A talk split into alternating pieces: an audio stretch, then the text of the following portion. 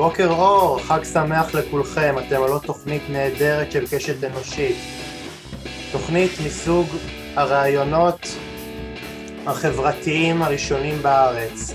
לפני שניגש לעניין, אני שוב מזכיר את עניין השיתופים. הפודקאסט שלי הינו פודקאסט עצמאי, ועל מנת שהוא יגיע לתפוצה מלאה ורחבה, יש לשתף אותו מיד בתום ההאזנה לו, ועד כאן הבהרות טכניות, ועכשיו ניגש לעניין. האורחת של קשת אנושית הפעם היא עיתונאית, מנחת טלוויזיה וזוכת פרס סוקולוב לשנת 2000. היא החלה את דרכה ככתבת בעיתון על השרון, ולאחר מכן נהייתה לכתבת בעיתון תל אביב. בשנת 1996 עברה לכתוב טור בעיתון העיר, תחת כותרת התל אביבים החדשים. המדור עוסק בעובדים הזרים בישראל, בעיקר בתל אביב. הוא סיפר את סיפורם של העובדים הזרים בכל מיני רמות, מהתעללות בעובדים ועד גירושם מישראל. בהמשך עבדה ככתבת לענייני רווחה בעיתון הארץ. משנת 2005 עד ינואר 2013 כתבה בעיתון ידיעות אחרונות, שם הייתה עורכת משנה במוסף שבעה ימים, וכתבת המוסף לשבת. בשנת 1999 השתתפה בפסטיבל דוק אביב, והיא הציגה סרט שעשתה עם הבמאית יעל קיפר בשם שני יוסי, על דירות שפלשו אליהן אה, מחוסרי דיור. היא הנחתה תחקירים ותוכניות שעסקו באוכלוסיות שנמצאות בשולי החברה, כמו העין השלישית בשידורי קשת, בין היתר על טראומת העלייה של יהודי אתיופיה, סחר בהרואין, מהגרים מאפריקה וסחר בנשים. היא לימדה עיתונות וקולנוע בקאמרה אובסקורה והשתתפה בתוכנית העיתונאים באוניברסיטת מישיגן. בשנת 2013 הקימה את כתב העת המקוון המקום הכי חם בגיהנום לצד שותפים כמו העורכת דאז עירי דולב בשנת 2014 זכה האתר בפרס דיגיט המכובד העורכת של קשת אנושית היא עינת פישביין, שלום עינת. שלום, בוקר טוב אהוד, נעים מאוד, נחמד להיות פה. מכל, מכל מה שהקראתי, ובאמת הרשימה ענפה וארוכה, לאיזה פעילות את הכי מתחברת? אמ, תראה, כל מה שהקראת, זה הכל, זה הכל בעצם אותו דבר, זה עבודה עיתונאית שבעיקר אה, משתנה מדי פעם הפוקוס והמקום, אז כמובן שאני הכי מתחברת למקום, שזה המקום שאני נמצאת בו היום, וזה מקום, אתה יודע, שאנחנו נדבר על זה בטח עוד. אבל uh, המקום שבו אני מצליחה לעשות בצורה הכי חופשית ולאפשר לאנשים אחרים לעשות את העיתונות שאני מאמינה בה, הרבה יותר מבכל כלי תקשורת אחר. כן.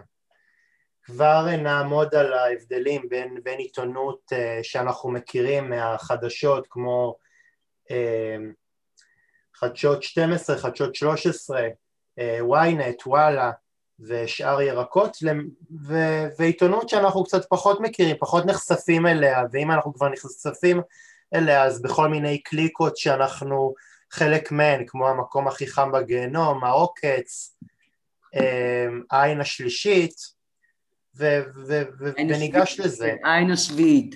העין השביעית, סליחה. כן. אני מקבל את התיקון. את צריכה לסלוח לי, זה מההתרגשות. אין שום בעיה, בשביל זה אני כאן. כן.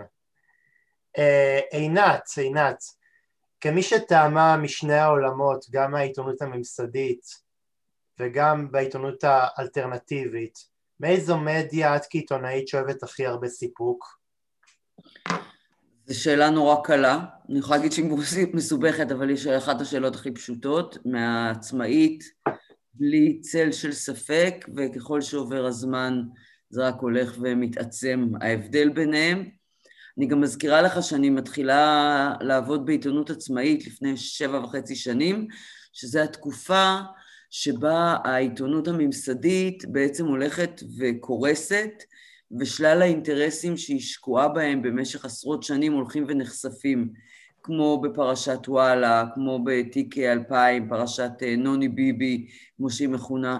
אז, אז המקום הזה, לעומת המקום שאני נמצאת בו, שיש בו חופש ויכולת לעשות כמעט הכל, ועובדים איתי אנשים אה, מדהימים שרק הולכים ומצטרפים ועוברים משם לצד הזה, כן. עיתונות עצמאית זה התשובה. אין לי שום געגוע, לא לידיעות אחרונות ולא להארץ ולא לאולפן שישי בחדשות 12 ולא לערוץ 10, לא לאף מקום שעבדתי בו אי פעם. אולי לעיתון העיר בסוף שנות התשעים, אבל זה סתם נוסטלגיה. נדמה לי, עינת, ותתקני אותי אם אני, אם אני טועה, ש, שבשנים האחרונות אה, גם, גם הקהל צמא לעיתונות אה, אחרת, יותר נשכנית, יותר בועטת, כי, כי למעשה אני מדבר איתך ו, ואנחנו, ואני למשל שואל את עצמי, אה, ו, ואני מנסה להיכנס לנעליו של בן אדם שלמעשה ניזון מהמדיה וכאילו שואל את עצמו, בסדר, במה זה כבר שונה עיתונות אלטרנטיבית מעיתונות ממסדית, הרי, הרי, העיתון, הרי הסיפורים הם אותם סיפורים, החדשות הם אותם חדשות, אז מה, אז מה כבר ההבדל? ואני, ואני רוצה לספר, אה, ואני נעזר בשירותייך, כדי שאת אה, תמחישי את זה יותר טוב ממני, שזה לא אותו דבר. בעיתונות עצמאית יש לך את החופש אה, ואת, ה, ואת האומץ ואת היצירתיות לעשות כל מה שאתה רוצה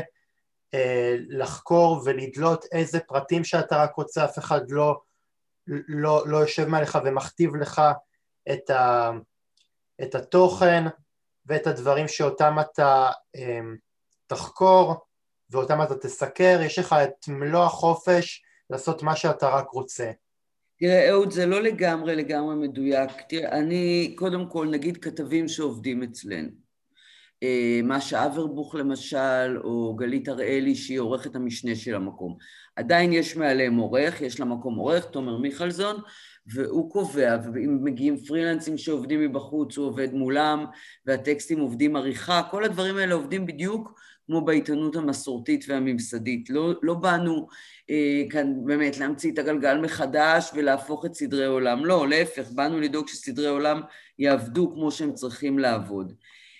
אמ, אז בעניין הזה אמ, העיתונות שלנו מתנהגת קצת דומה לעיתונות הממסדית, אבל כשאתה אומר שבסופו של דבר הסיפורים הם אותם סיפורים והחדשות הן אותו, אותן חדשות, זה לא נכון בעיניי, כי יש לנו בחירה באילו סיפורים אנחנו, אה, אנחנו מטפלים ובאיזה פוקוס ובאיזה היקף. למשל, השבוע העלינו כתבה שאורכה הלא יאמנו 15 אלף מילה לפני תגובות על יצחק לאור, אה, אה, איש הארץ, אה, המשורר, הסופר, המורה, המחנך, שיש נגדו עשרות תלונות על הטרדות לאור, של סטודנטיות בעיקר, התעמרות גם באופן כללי, בעיקר הטרדות מיניות של סטודנטיות, כולל תלונה אחת על אונס של אשכר אלדן כהן מלפני כמה שנים, ובעצם לילך וולך, שהיא כותבת אצלנו כפרילנסית, אמ, באה ובודקת לא רק, אה, מביאה עשרות אה, תלונות ועדויות נגדו, אלא גם בודקת למה לאורך שנים כלי התקשורת, בתי הספר שבהם הוא לימד ועולם הספרותי בכלל, התעלמו מכל זה. וההחלטה להקדיש אה, חודשיים של עבודה, ועכשיו היא עובדת על חלק ב', ייקח בטח עוד קצת זמן, חודשיים של עבודה לסיפור הזה שלכאורה סופר כבר, כי הייתה כתבה במקור לפני 11 שנה, כתבה של נסלי ברדה, שבה הובאו חלק מהעדויות האלה. למה כל זה קורה ועדיין שום דבר לא משתנה? הוא ממשיך ללמד והוא ממשיך לעבוד ולקבל פרסים והכול בסדר. ההחלטה להעביר את כל המערכת באיזה שלב לטפל בזה, כמו אגב לפני כמה שנים כשכל המערכת עברה למשך שבוע אחד לטפל בפרשת קסטיאל, זה החופש שיש לנו כעיתונות עצמאית, לבחור באיזה סיפור אנחנו מטפלים. אנחנו רוצים עכשיו לכתוב רק על המאבק האתיופי למשל, במשך...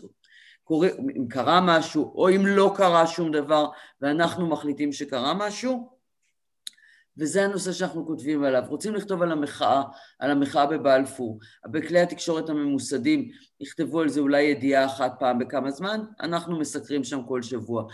זה החופש שיש לנו, הוא החופש להחליט מה הסיפור שאנחנו מטפלים בו.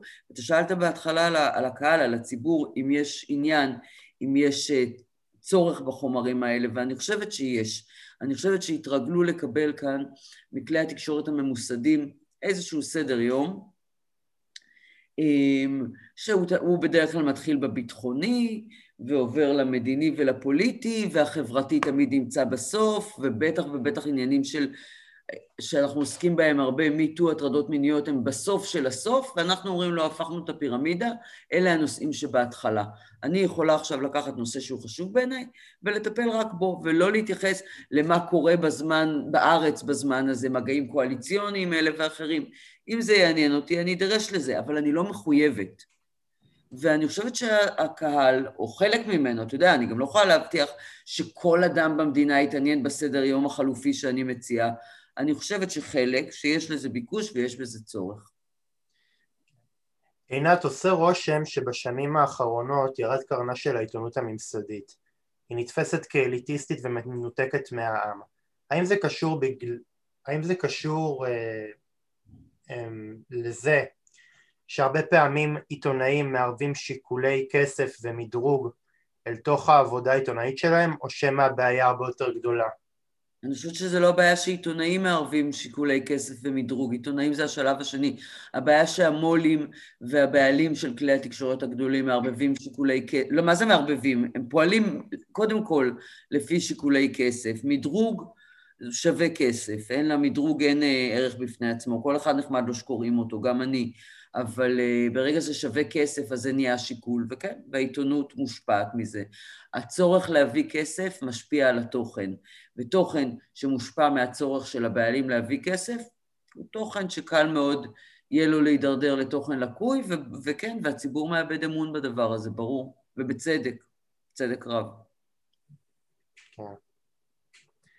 עינת, נדמה שבשנים האחרונות השיח החברתי חזר שוב לכותרות ביתר שאת בגלל מגפת הקורונה שהדגישה שוב את ההבדלים בין עניים לעשירים בחברה. רציתי לשאול כיצד העיתונאות הפכה מלהיות שופר של אלה שאין להם אמצעים להגיע לכותרת, הפכה להיות אה, שופר תעמולה של השלטון. אני חושבת שזה תלוי בדברים שדיבר, שקשור בדברים שדיברנו עליהם גם קודם. הסיפור החברתי הוא בעצם כבר שנים לא מסופר בארץ. זאת אומרת, במשך שנים אה, העיתונות היא, אני לא יודעת להגיד שופר של השלטון, כי לפעמים היא גם מבקרת את השלטון, אבל היא שופר של הכסף, היא שופר של בעלי ההון, זה בוודאות, כי בעלי כלי התקשורת הם בעצמם בעלי הון, והאינטרסים שלהם זה לשמור על ההון שלהם במק... היום.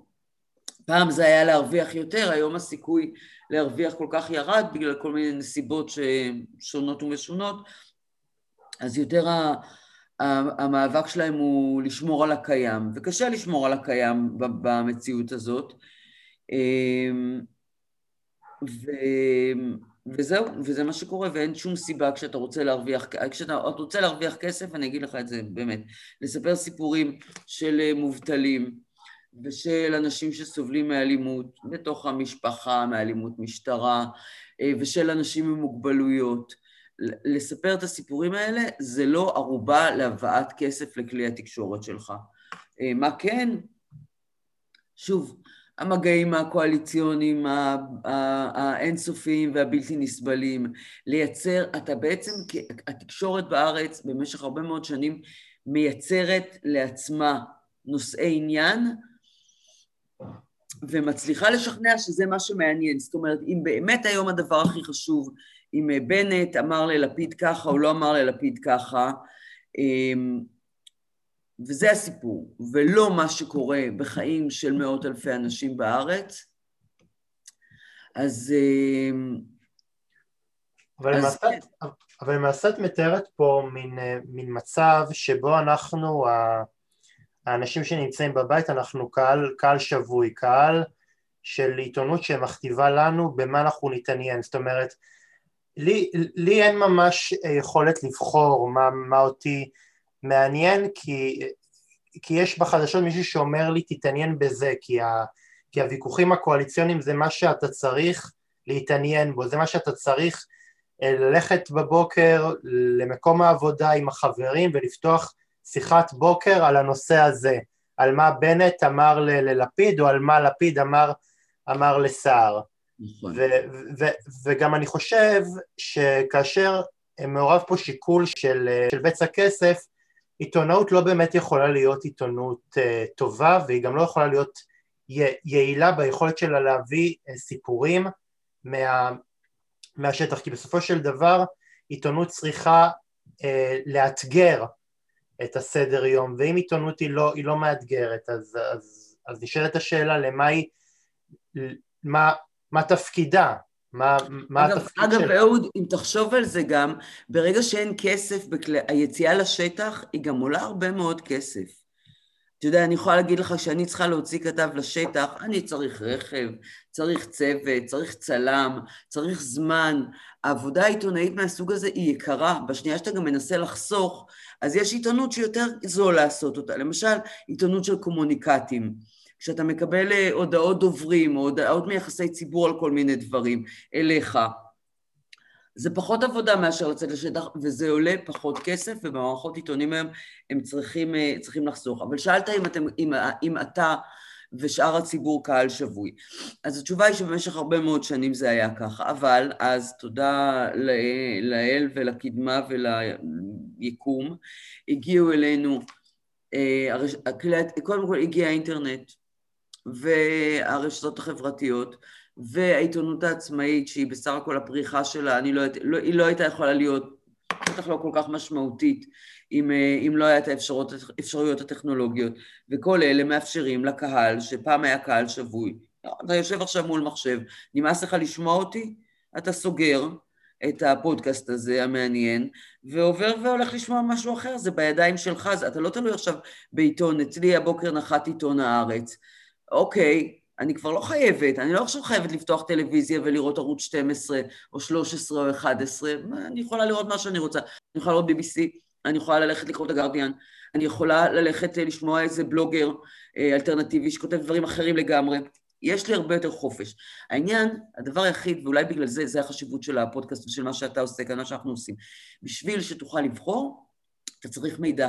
אתה צריך לדעת שזה קיים. אם אנשים לא יודעים שהמקום הכי חם בגיהנום קיים, ויש הרבה אנשים שלא יודעים את זה, אז זה, היכולת שלהם לבחור היא יותר קטנה.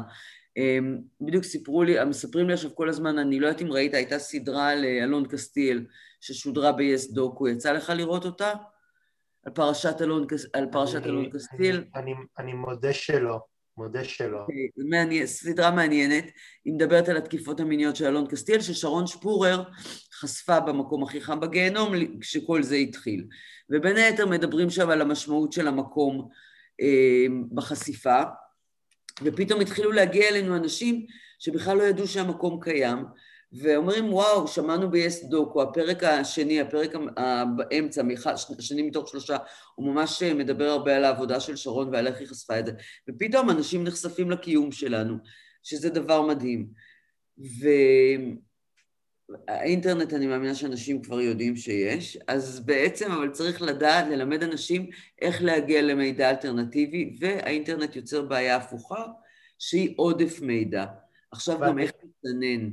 אבל נראה לי שזה גם, אבל, אבל נראה לי שזה גם באיזשהו מקום אה, אה, מותרות גם להגיע למידע הזה, כי תחשבי למשל בן אדם ש, שבא הביתה, הוא עייף, הוא לא, לא מעניין אותו לקרוא, לחפש אה, עכשיו מידע על אלון קסטיאל ולקרוא מאמר נורא נורא נורא ארוך, הוא רוצה את הידיעה החדשותית שלו כמה שיותר זמינה כמה שיותר מינימלית, אין לו, אין לו זמן לכל הברברת הזאת. גם אני מעדיפה לאכול עכשיו M&M's ועדשים משוקולד, ולא להתאמץ ברגע שנגמור להכין לעצמי סנדוויץ' בריא עם אבוקדו, או לאכול ירקות. כן, יותר קל לאכול... עכשיו, אתה יודע מה, אם היה לי כאן ערימת שוקולד, אם הייתי יכולה לאכול, בזמן שאנחנו מדברים אפילו לא היית מרגיש. נכון? יותר פשוט, אין מה לעשות, לפעמים צריך להתאמץ. עכשיו, אני מוכנה להתאמץ בשביל הבריאות שלי, ואתה תתאמץ בשביל הבריאות אה, המנטלית והנפשית ו- ו- ובשביל החברה יותר אבל זה אנשים, עינת... אם אתה תקבל פחמימה מהירה מחדשות 12 או 13, התזונה שלך, החדשותית, תהיה מאוד מאוד מאוד גרועה. סורי שצריך להתאמץ. אגב, אני מנסה לעזור. הייתי אומרת לך ללכת לחפש באינטרנט, אני אומרת לו, לא, הקמתי לך אתר אינטרנט שבו אני מרכז את הדברים האלה, בוא אליי ותקבל. בחינם אגב. אתה לא צריך לעשות לא מנוי לטלוויזיה, לא, אפילו לא מנוי למקום, שזה משהו שאנשים עושים, אבל בהתנדבות כדי לעזור לנו להתקיים. אתה לא צריך... אני, אתה יודע מה? אתה יודע מה? אני נותן לך חינם את מה שהם לוקחים ממך כסף עליו. מה אני דורשת ממך? עוד עשר דקות מהזמן שלך? לא בטוח, אני אנסה לעשות את זה יותר קצר. ועדיין, ועדיין, ועדיין, את יודעת, כל הדברים האלה דורשים אה, מאמץ, ואנשים היום אין להם, אין להם סבלנות, וצריך הרבה מאוד פניות בשביל להגיע ל, לידיעות, לידיעות אה, בדבר מעלליו של אלון קסטיאל, או למשל מה, מה עוברים הפליטים מסומליה. ויש להם זמן, ויש להם זמן לראות כתבות, אה, כתבות תיירות על דובאי, שכל כולן אינטרסים של כל העולם ושמאכילים, מספרים להם פה סיפור אחר. אני מבינה, אני באמת מבינה, אני באמת מזדהה. אני רק יכולה להגיד שאני עושה כמיטב יכולתי בשביל לספק תזונה יותר בריאה לילדות שלי ו- ולציבור הישראלי. אין, אני מבינה שזה יותר קל, אבל חייבים כבר, אני חושבת ש... תקשיב, אני חושבת שגם המודעות של הציבור היום במקום אחר, ואני חושבת שהרבה פעמים שמוכרים אייטמים שהם תוכן שיווקי, וזה קורה בחדשות, וזה קורה בידיעות, אמ, ואנשים כבר יודעים לזהות את זה, וזה חלק ממשבר האמון שדיברת עליו בהתחלה. אז אולי לא תמיד יודעים למצוא את הפתרון. אולי לא אומרים, אה, אוקיי, כאן מספרים לי סיפורים ומוכרים לי משהו לא טוב, אני אלך לשם כי שם יש משהו יותר טוב. לא, זה תהליך. יש לנו זמן ויש לנו סבלנות לתהליך הזה. עינת, אה, כיצד גורמים כמו הכניסה של האינטרנט והרשתות החברתיות היוו מניע לשינוי פניה של העיתונות כאן בארץ? אמ, בצורה גבוהה מאוד, ממש, כמעט, אה, אמרתי את זה, אני חושבת מקודם, אני חושבת שאם אני הייתי רוצה בשנת 2013, אה, שהשנה שבה קם המקום, אה, לעשות עיתונות עצמאית, ולא היה את האינטרנט ולא היה רשתות חברתיות, מה הייתי עושה? הייתי הולכת ומדפיסה עיתון? כאילו, באיזה, איך, איך בעול, באיזה כסף? תראה, גם להחזיק את המקום זה גם לא דבר זול. אבל להדפיס עיתון זה פשוט דבר בלתי אפשרי, או לקבל מה, לתוכנית טלוויזיה באיזה ערוץ לא קיים, לייסד ערוץ, אי אפשר, אין זיכיונות.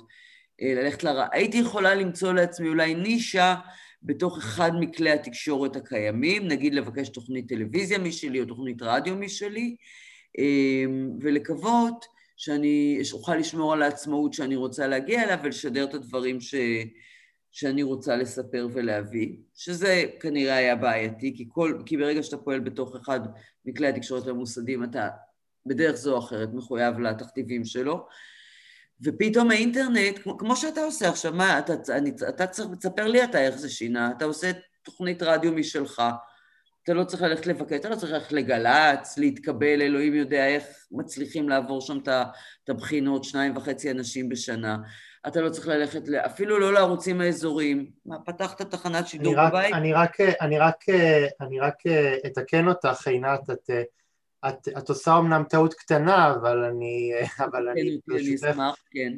זה לא תחנת רדיו, זה פודקאסט. ופודקאסט, אוקיי. אני, אני פה מחויב רק לאמת הפנימית שלי, אני לא חייב שום דבר לאף אחד, אני פה... אתה יודע שלפני 15 שנה לא היו פודקאסטים ולא היה אפשר לעשות את זה. אתה יודע. אני, אני יודע, אני, אני, אני יודע, אני, אני גם, אה, גם בעקבות הקורונה אה, נחשפתי לכמות מטורפת של פודקאסטים ופודקסטרים אה, עצמאיים וכל מיני אנשים שמתוך שעמום ומתוך רצון להשיג את עצמם פתחו תחנת, תחנת רדיו משלהם או ערוץ משלהם והכל באמת מתוך, מתוך רצון להעסיק את עצמם, לעניין את עצמם, למלא את עולמם בריגושים ובתכנים. או, או, או שיש להם מה להגיד, אתה יודע, יכול להיות, כמו שאני חושבת שלי יש מה להגיד, פשוט אצלי הכלי הוא בכתיבה והעסקה, ועבודה עיתונאית, אבל יש עוד דרכים. כן. אה, את דיברת מקודם על תכנים ואני רוצה לשאול אותך, זה נוגע לשאלה הבאה שאני שואל ואת מקדימה אותי. אה, בתחילת דרכך כעיתונאית בחרת להתמקד בסוגיה שאז לא הופנה אליה מספיק תשומת לב ציבורית, שוב דיברנו על, אה, על עניינים חברתיים שנדחים לקרן זווית וזה סוגיית העובדים הזרים. אנחנו מדברים על אמצע שנות התשעים רציתי לדעת מדוע בחרת להתמקד בסיפור חייהם. האם כבר אז הבנת שגורלם נקשר בסיפורים של ניצול ואפליה לרעה שבה הם נפגשים בבואם להשתלב כאן בארץ? אה, רגע, סליחה שנייה, לרגע הקטנתי כדי לסגור את הוואטסאפ כי הוא התחיל לעשות רעש, הנה זהו, סגרתי, שלא יהיו לנו הפרעות. אה, השאלה היא בעצם למה, למה התחלתי לעסוק בנושא של העובדים הזרים, או מה עניין אותי בתוכו? מה, מה עניין אותי? מה, מה זיהית שם? אז תראה, אני בהתחלה, אני חושבת שמה שנורא עניין אותי היה דווקא הנושא של הזרים, הנושא של ההגירה, הנושא של אנשים שהגיעו אה, ממקומות שונים בעולם לישראל, אה, מה הביא אותם לפה, אה, זה הדהים אותי, זה, אתה יודע, בס, בס, אה, לקראת, בחצי השני של שנות התשעים, כשכתבתי את המדור שלי בעיתון העיר, היו כאן אנשים ממשהו כמו 78 מדינות. עכשיו תחשוב, בתחילת שנות התשעים הם לא היו. היה אמנם ישראלי, קיבוץ גלויות, ויש הרבה אנשים, אבל פתאום היו לך קהילות של אפריקאים מגאנה וניגריה, ושל דרום אמריקאים מצ'ילה ומקולומביה, ואנשים מאסיה ומזרח אירופה, כמויות מטורפות, אינטראקציות מדהימות, יחסים, מערכות. אז הדבר הראשון שעניין אותי, אמ, נורא זה, אני חושבת, הדבר הזה של הזרות, של ההגירה, אה, במשך הרבה זמן הסתובבתי והשאלה הקבועה שהייתי מפנה לכל אחד מהמרואיינים שלי הייתה איפה הבית שלך?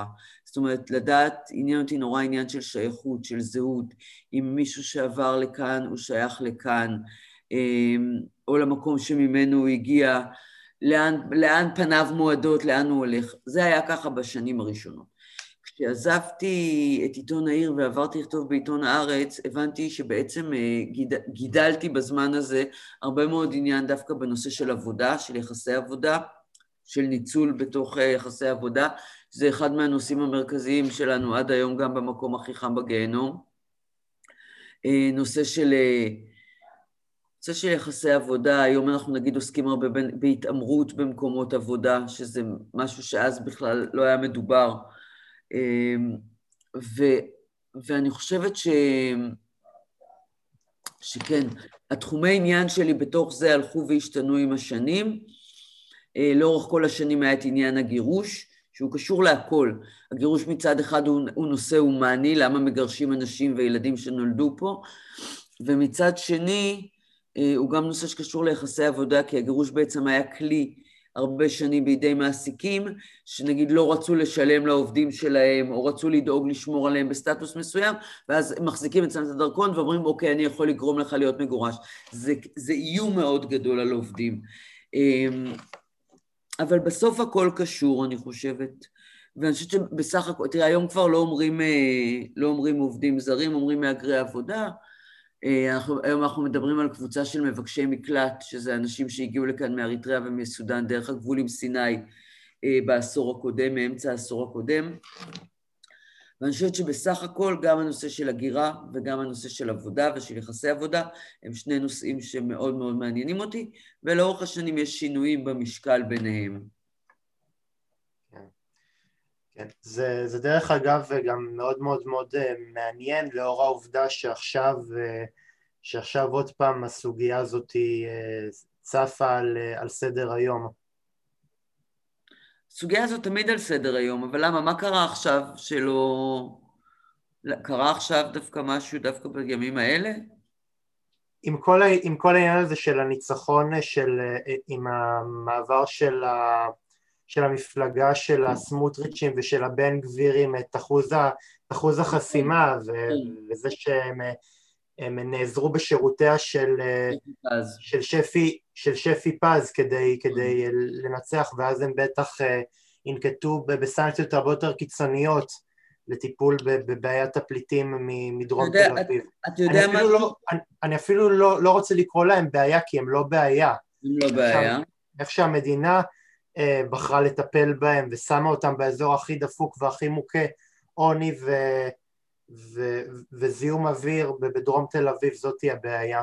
נכון, אבל uh, אני חייבת להגיד לך שמה שאתה מתאר עכשיו זה שוב uh, פוליטיקה. זאת אומרת, כרגע אין, אני לא רואה שום שינוי אמיתי במצבם, למעט זה שאגב, זה אוכלוסיות שעוברות תקופה מאוד מאוד מאוד קשה בזמן הקורונה, אין עבודה, יש רעב, יש עוני שהולך ומחמיר, רעב של ילדים, הארגונים שמטפלים במבקשי מקלט רואים תופעות מאוד מאוד קשות בחודשים האחרונים. אז ש... זה, זה שינוי שיש ועליו אנחנו כמעט לא שומעים. מה אנחנו שומעים? שסמוטריץ' ובן גביר כן באו לבקר את שפי פז, לא באו לבקר את שפי פז, והעניין וה, הפוליטי.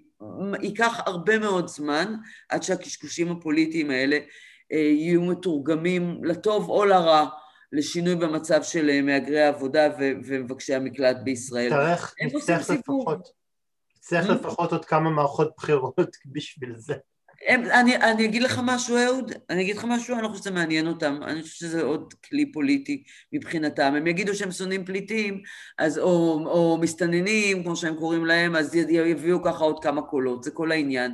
הם עצמם, עד שהם יגיעו לרחובות של תחנה מרכזית ישנה בתל אביב, ארוכה הדרך. טוב להם שיש להם שם את שפי.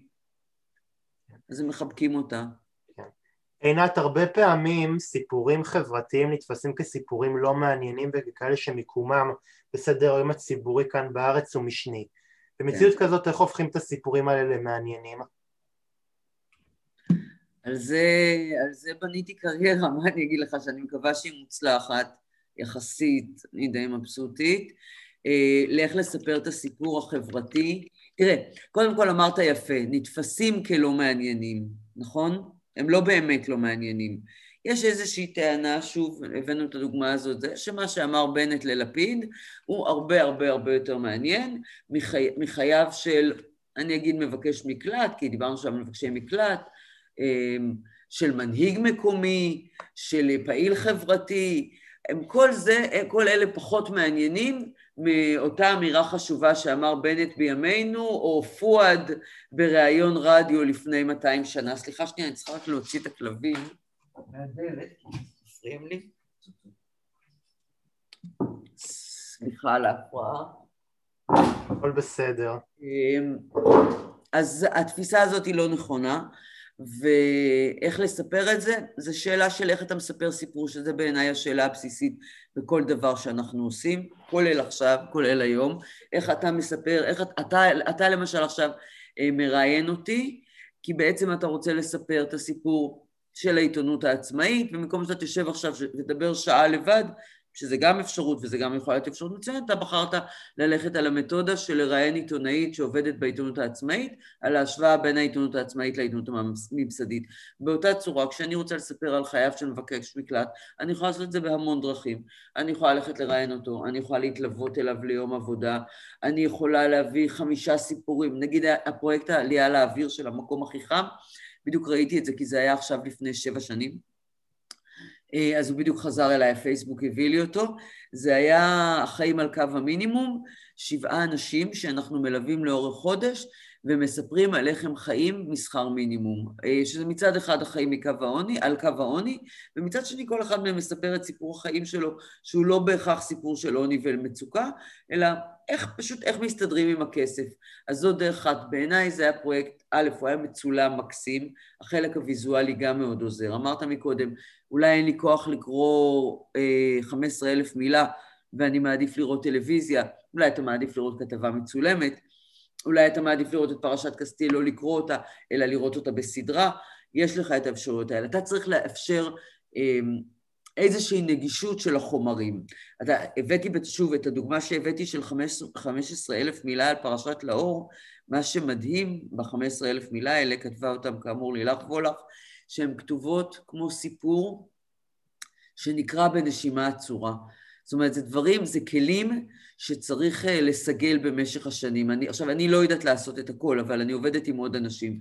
אנשים שיודעים לכתוב, שיודעים לערוך, יודעים לצלם, יודעים להגיש, נגיד באינטרנט, אה, אתה צריך לדעת להגיש דברים, אתה מגיש גוש ענק של טקסט, מאוד קשה לקרוא אותו במחשב, יש אפשרויות לקצר, יש דרך להביא לך את, ה, את הכותרות באיזושהי צורה, את הציטוטים החשובים בצורה אחרת.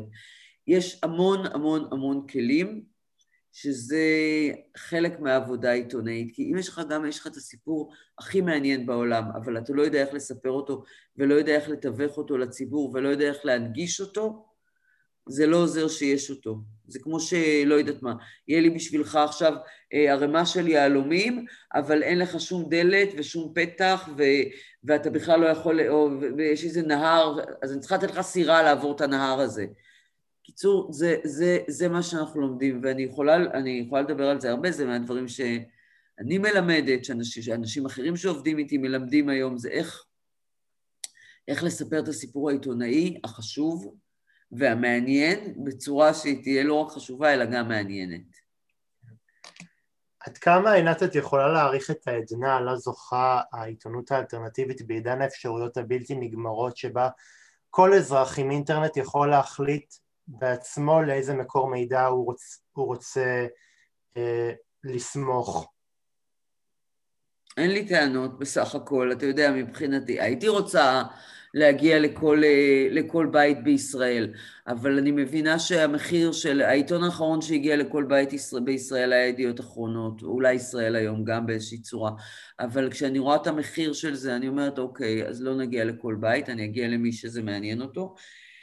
אה, אני חושבת שיש עדנה, אני חושבת שאנשים היום, אני גם רואה את זה, בגלל שאנחנו חיים מתמיכה של הציבור, אני רואה את זה למשל מאז פרוץ מגפת הקורונה בעלייה בתמיכות, הרבה יותר אנשים משקיעים בנו היום גם כספית. אני רואה את זה בעלייה בטראפיק, בנתונים של הקריאה שלנו. אה, אני רואה את זה גם אצל, בכלי תקשורת אחרים, אצל עמיתי בעין השביעית, אני גם בטח בשיחה מקומית, בשקוף, אה, בזמן ישראל. אני רואה את זה שיש עוד ועוד כלי תקשורת חדשים שקמים, שזה דבר טוב, למרות שאני יודעת היטב כמה קשה יהיה לשרוד בתוך התחום הזה. אה, ולא כולם יצליחו, אבל זה נכון על כל דבר, זה נכון בכל תחום גם. אה, אז אני חושבת שיחסית אנחנו בתקופה טובה, אני חושבת שהקורונה שהשאירה אנשים בבית מאוד הגדילה את הסבלנות אולי גם לקרוא את, את, ה, את כלי התקשורת האלטרנטיביים, שכמו שאמרת מקודם ובצדק, דורשים יותר קשב ויותר זמן ופנאי וסבלנות. אה, תני לי לפחות יתרון אחד שיש לעיתונות האלטרנטיבית שבה עיתונ... עיתונים כמו שיחה מקומית, אה, העין השביעית ושקוף, אה, הבלוג המעולה, מעולה, אין לי מילים אחרות לתאר את זה, של תומר אביטל, בחתירה לשורש האמת על פני האלטרנטיבות האחרות שמציעה העיתונות הממסדית כאן בארץ. שאני אתן לך יתרון, אמרת הכל עכשיו. עוד יתרון, אנחנו גם יותר חמודים. אה, אנחנו... אנחנו נורא זה, אנחנו יודעים... בקש, את, אתם בקשר, אתם כאילו נהיים מין קהילה כזאת קטנה של עיתונאים אלטרנטיביים ש... את מכירה את תומר אביטל? ברור. רציתי לשאול, ראיינת אותו כבר? אם אתה צריך קשרים... אני, אני, אני, אני, אני ניסיתי, אני ניסיתי, לא, לא הצלחתי. אם את יכולה, אם את יכולה לזרוק, לזרוק לו איזה מילה עליי ולהגיד לו, שמע, התראיינתי אצל אהוד שפייזר, הוא באמת, אה, סתם, סתם, סתם, תחשבי מה שאת רוצה לחשוב, אני לא אגיד לך מה... אהוד, אה, אתה יכול לראות את זה כסגור, אני מאמינה שאם אה, נבקש יחד מתומר הוא יעשה את זה, ואני רואה שזה מאוד ישמח אותך, אז בכלל אין שאלה. אני... אני לא, כי אני באמת מאוד מאוד נהנית מהרעיון הזה. וגם מבחינתי זה זמן קצת לחשוב על הדברים ולאוורר אותם בתוך כל העבודה הרצופה. אז אנחנו, מה זה קהילה? אנחנו לא יושבים כל היום ושותים קפה.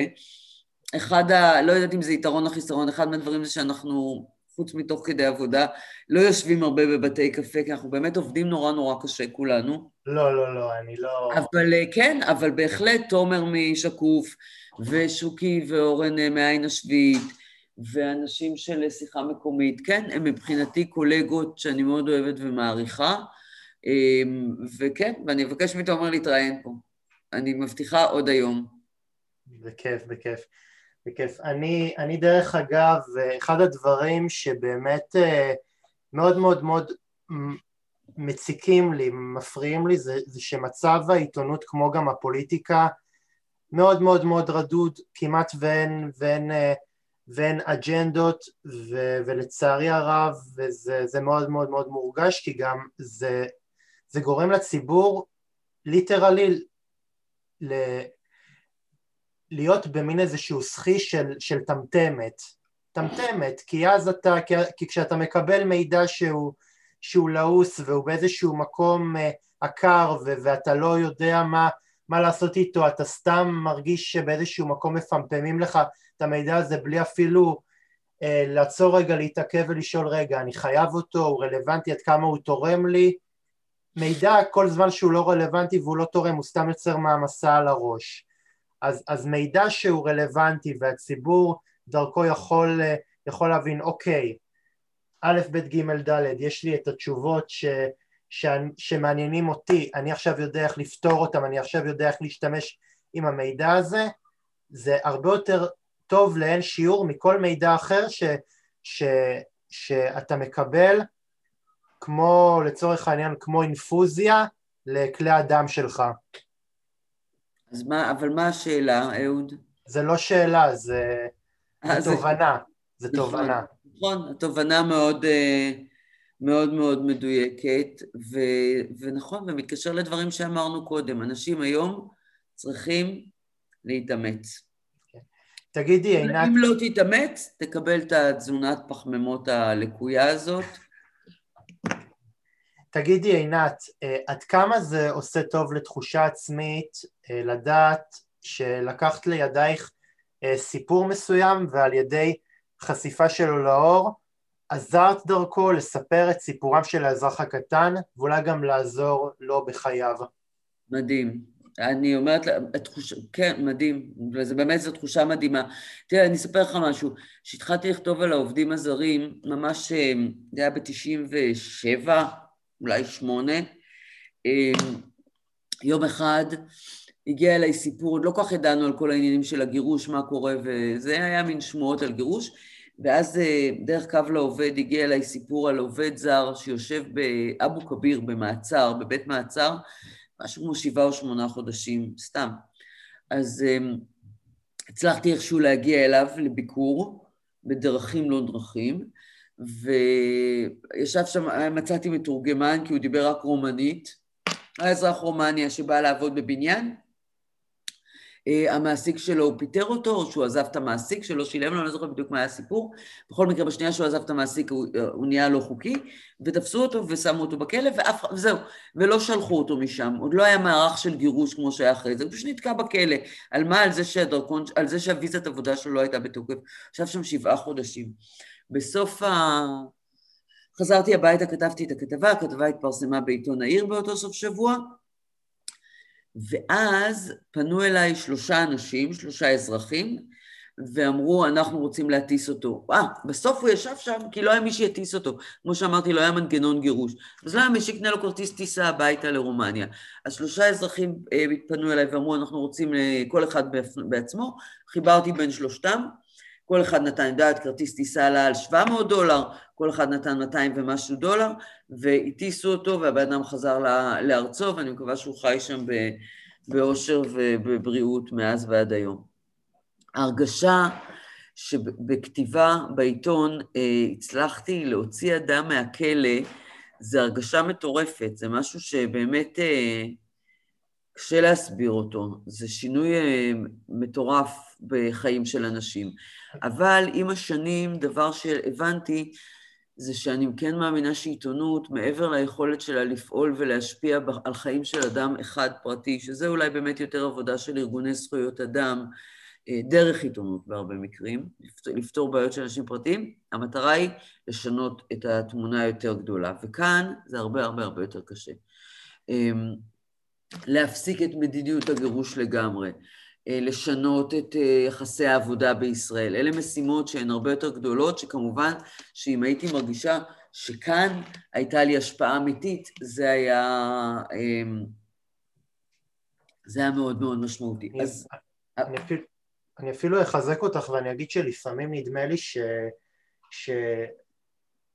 שעיתונות כשהיא טובה וכשעיתונאי עושה את העבודה שלו מתוך מקום של שליחות זה לפי דעתי אה, דבר שהוא לא פחות טוב מאשר אה, זה מצטרף לדעתי למקצועות כמו רפואה ו- ו- וחינוך ששם אתה באמת אה, נשלח למקצוע ממקום של רצון לעזור ו- נכון. ובאמת לסייע לבני אדם נכון. זה ממש ככה. במקרים נדירים גם יש לך ממש הזדמנות כמעט להציל חיים.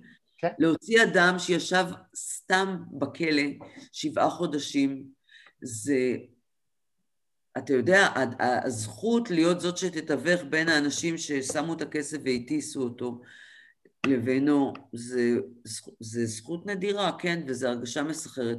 אני, אני סיפרתי בדיוק, כתבתי בפייסבוק שלי, אחרי שיצאה הסדרה על קסטיאל, שלפני uh, כמה זמן ניגשה אליי מישהי באיזה מקום שהייתי בו, מי שאני לא הכרתי והיא לא הכירה, אבל שתינו הכרנו אחת השנייה ב-reputation. אמרה לי, אני כל כך מעריכה את מה שאת עושה, ושרון שפורר והמקום וזה וזה, ואמרתי לה, לא, מה פתאום, אני כל כך מעריכה אותך. היא אמרה לי, לא, את, לא, את, לא, את, וזה היה מצחיק. ואז אה, היא פתאום באה, חיבקה אותי והלכה, ואחרי זה התברר לי שהיא הייתה אחת מהנפגעות של אה, אלון קסטיאל, והיא לא התלוננה, היא מעולם לא התלוננה במשטרה, כי היא חששה שלא יאמינו לה כל מיני סיבות, וב, ובזה שאנחנו כתבנו על הפרשה הזאת, אנחנו בעצם גרמנו לזה שהאדם שתקף אותה אה, יושב בכלא, בלי שהיא הייתה צריכה להתלונן. וגם זה סוג של אה, שינוי מאוד מאוד משמעותי בחיים של אדם, שאתה אפילו לא מודע לזה שאתה עושה אותו, ויש לך את הזכות לעשות. אה, בואי נדבר בבקשה על המקום הכי חם בגיהנום. שתי שאלות. מאיפה לקוח השם ובאיזה שלב בקריירה שלך את מקימה אותו? אז אני מקימה את המקום בשנת, אה, עם שותפיי כמובן, בשנת 2000, ומתחילים לעבוד על זה בשנת 2013. טיפה ב-12. הוא עולה לאוויר בספטמבר 2013, אחרי משהו כמו חצי שנה של עבודה של גיוס כותבים והקמת אתר.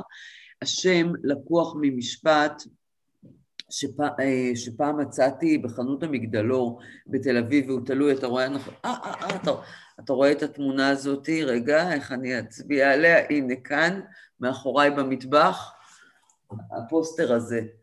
אה, הנה זה, הופה, הצלחתי.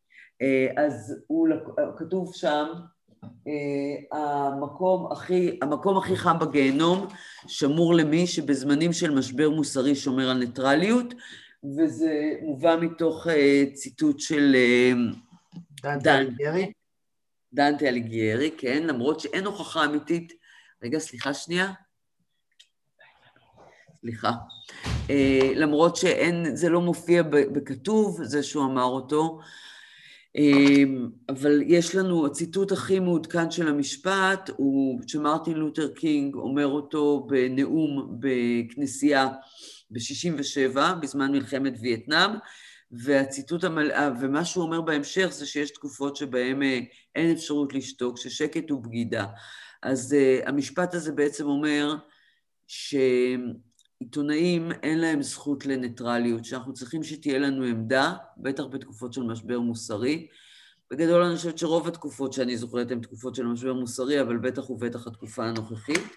ובתקופה של משבר מוסרי אנחנו צריכים לקחת עמדה ו- ולעשות ולהיות פעילים. העם, העם צריך לקחת עמדה, עינת, זה לא רק העיתונאים, כל אדם ש... אבל, ש... אבל אנחנו כלי תקשורת, אתה יודע, אנחנו מקשרים אנחנו יכולים למשל, הרי חלק מהמהפכות, נגיד אובמה, ש, שעשה את כל הקמפיין שלו דרך האינטרנט, הוא בעצם מצא כלי תקשורת שקישר בינו ובין מה שהוא מאמין ומה שהוא רצה לעשות לבין העם, שהצליח להניע את העם, ומידע זה משהו שיכול להניע, וחיבור בכל מיני דרכים שהן תקשורתיות בסופו של דבר. שוב, אני מתייחסת לאינטרנט ולרשתות החברתיות בתור תקשורת. פשוט אני חושבת שבעניין של להביא מידע מסוים, עדיף שיהיה כלי תקשורת שפועל בדרכים אחרות. אה, תגידי, עינת, אה, מה כוחה של העיתונות המחתרתית לשנות ולהפוך את המציאות בש... בשונה מהעיתונות המוסדית? אני לא יודעת אם מחתרתית זה הגדרה, אני לא בטוחה שאנחנו מגדירים את עצמנו, את עצמנו עיתונות מחתרתית, אבל מה כוחה? כוחה שונה. תראה, לעיתונות הממוסדת יש הרבה הרבה הרבה הרבה מאוד כוח. אה, אני לא אומרת את זה בתור, כאילו לא בקטע טוב. אה, אם לנו יש כזה כוח, לא יודעת, שוב, אמרנו, יש לנו כוח להשפיע על המקרים הפרטיים כי הם חשובים לנו ומעניינים אותנו, וגם היום במקום, אה, לא רק בידיעות ובארץ, אני יכולה היום להשפיע, אה, אתה יודע, אה, כשמשה אברבוך כותבת שהיא שלנו, של המקום, כותבת על, על הטלגרם ומאיצה במשטרה להתחיל לחקור את עברייני הטלגרם שמפיצים תמונות, בצורה לא חוקית תמונות ו, וסרטונים של נשים, אז היא משנה את המציאות. אני חושבת שלנו יש יותר עניין ותחושה של מחויבות, וכמו שאמרת מקודם, שליחות, לשנות את המציאות. להם יש יותר כוח, לנו יש יותר עניין בזה ויותר מחויבות. ו- ו- ובתוך הטווח הזה אנחנו פועלים, אז אין לי כוח. כמו לידיעות אחרונות או לערוץ 12 או של... לחדשות 12 או 13. לא, אין לי כוח. לא כל סיפור שאני אביא יעשה כזה רעש. יכול להיות שאם הסיפורים שאני מביאה מתפרסמים שם, הייתה יותר השפעה, אבל זה לא משנה, כי רובם לא מתפרסמים שם. ואז אני במקומות שלי, אני מנסה להשפיע כמה שיותר. וואי, אני רואה שאנחנו כבר עוברים את החמישים דקות. יש לנו עוד שתי, יש לנו עוד שתי שאלות לסיום. אז כן. רק עוד שתי שאלות. אה, תראי, זה נורא נורא נורא טבעי ש, שעוברים את החמישים אה, דקות, כש, כי, יש, כי יש לכל אורח משהו אחר להגיד, אז אני, אה, אז, אז אני הרבה פעמים גם, גם זורם איתו ו, ופחות נוקשה. לקראת סיום עינת, איזה טיפ היית, גם, גם, גם תביני שבפודקאסט זה, זה לא... זה לא מוכתב לחוקים מסוימים. ברור, אין הפסקת פרסומות. כן, בסדר, כן. בוא נמשיך. אז איזה טיפ הייתי נותנת? לקראת סיום עינת, איזה טיפ היית נותנת לעיתונאי בבואו לעסוק בתחום הזה? אמ, וואו. קודם כל, לא כזה מומלץ, זה תחום די קשה ואכזב בימים אלה, אין כל כך הרבה משרות ואין משכורות. אבל אני לא רוצה להגיד שהטיפ זה אם אתה יכול לעשות משהו אחר, תעשה אותו. אמ, אני, אני חושבת שהטיפ, שוב, אני משתמשת במילה שאתה השתמשת ואני לוקחת אותה מהמפגש הזה, הוא שליחות. כאילו תדע למה אתה בא. תדע מה, מה המשימה שלך כאן. אתה לא בא להיות עיתונאי סתם, כי זה מגניב וכי אתה תרצה לראות את השם שלך בטל...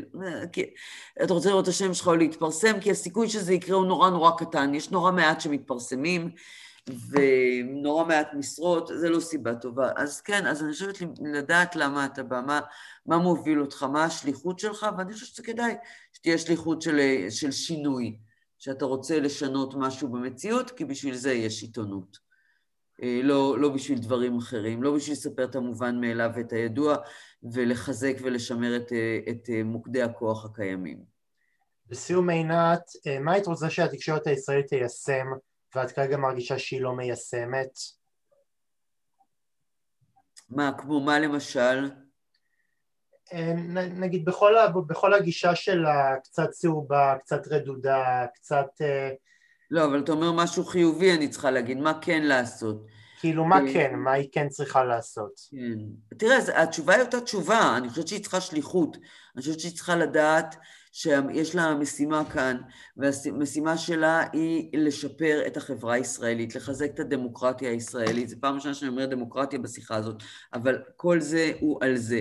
עכשיו, זה לא אומר כן ביבי ולא ביבי. באמת, באמת, באמת שלא. זה אומר לדעת לא להיות מופעל מאינטרסים כלכליים, אלא מאינטרסים של הציבור. אתה יודע מה זה הדבר? אמרת לי דבר אחד, אני רוצה שהתקשורת הישראלית הממוסדת אה, אה, תלמד מחדש מה זה לפעול למען האינטרס של הציבור, ולאור זה תיבחן כל כתבה וכל ידיעה שמתפרסמת, האם הם לטובת האינטרס של הציבור או שהם משרתים אינטרס אחר. הצלחתי. מילים, מילים כדורבנות, עינת, תודה רבה לך על הסבלנות ועל, ועל, ועל ההקשבה. תודה לך, כאן תוכניתנו... אני אגיד לך גם שהיה באמת כיף, וגם שאני הולכת לסמס עכשיו לתומר אביטל. ו- וזה עוד אחרי שאמרת שאת לא אוהבת להתראיין, את ראית מה זה? אמרתי לך שאני עושה את זה רק במקרים מיוחדים, ואני מאוד שמחה שזה היה אחד המקרים המיוחדים שבחרתי. חברים, אתם שוב הקשבתם לתוכנית קשת אנושית, אני מזכיר לכם את הפרטים שאליהם אה, אתם אה, פונים, במידה ואתם רוצים גם אתם לקחת חלק, כמו עינת, כמו יעל, כמו, אה, כמו דוד, שהיו בתוכניות שעברו. אתם מתקשרים לטלפון 050-353-1729 ולאימייל אהוד שפיזר שטרודל ג'ימייל נקודה קום ואני מאוד מאוד אשמח לשמוע את הסיפורים המעניינים שלכם. חג פסח שמח, יהיו אנשים טובים ובהצלחה, כל טוב ולהתראות. thank you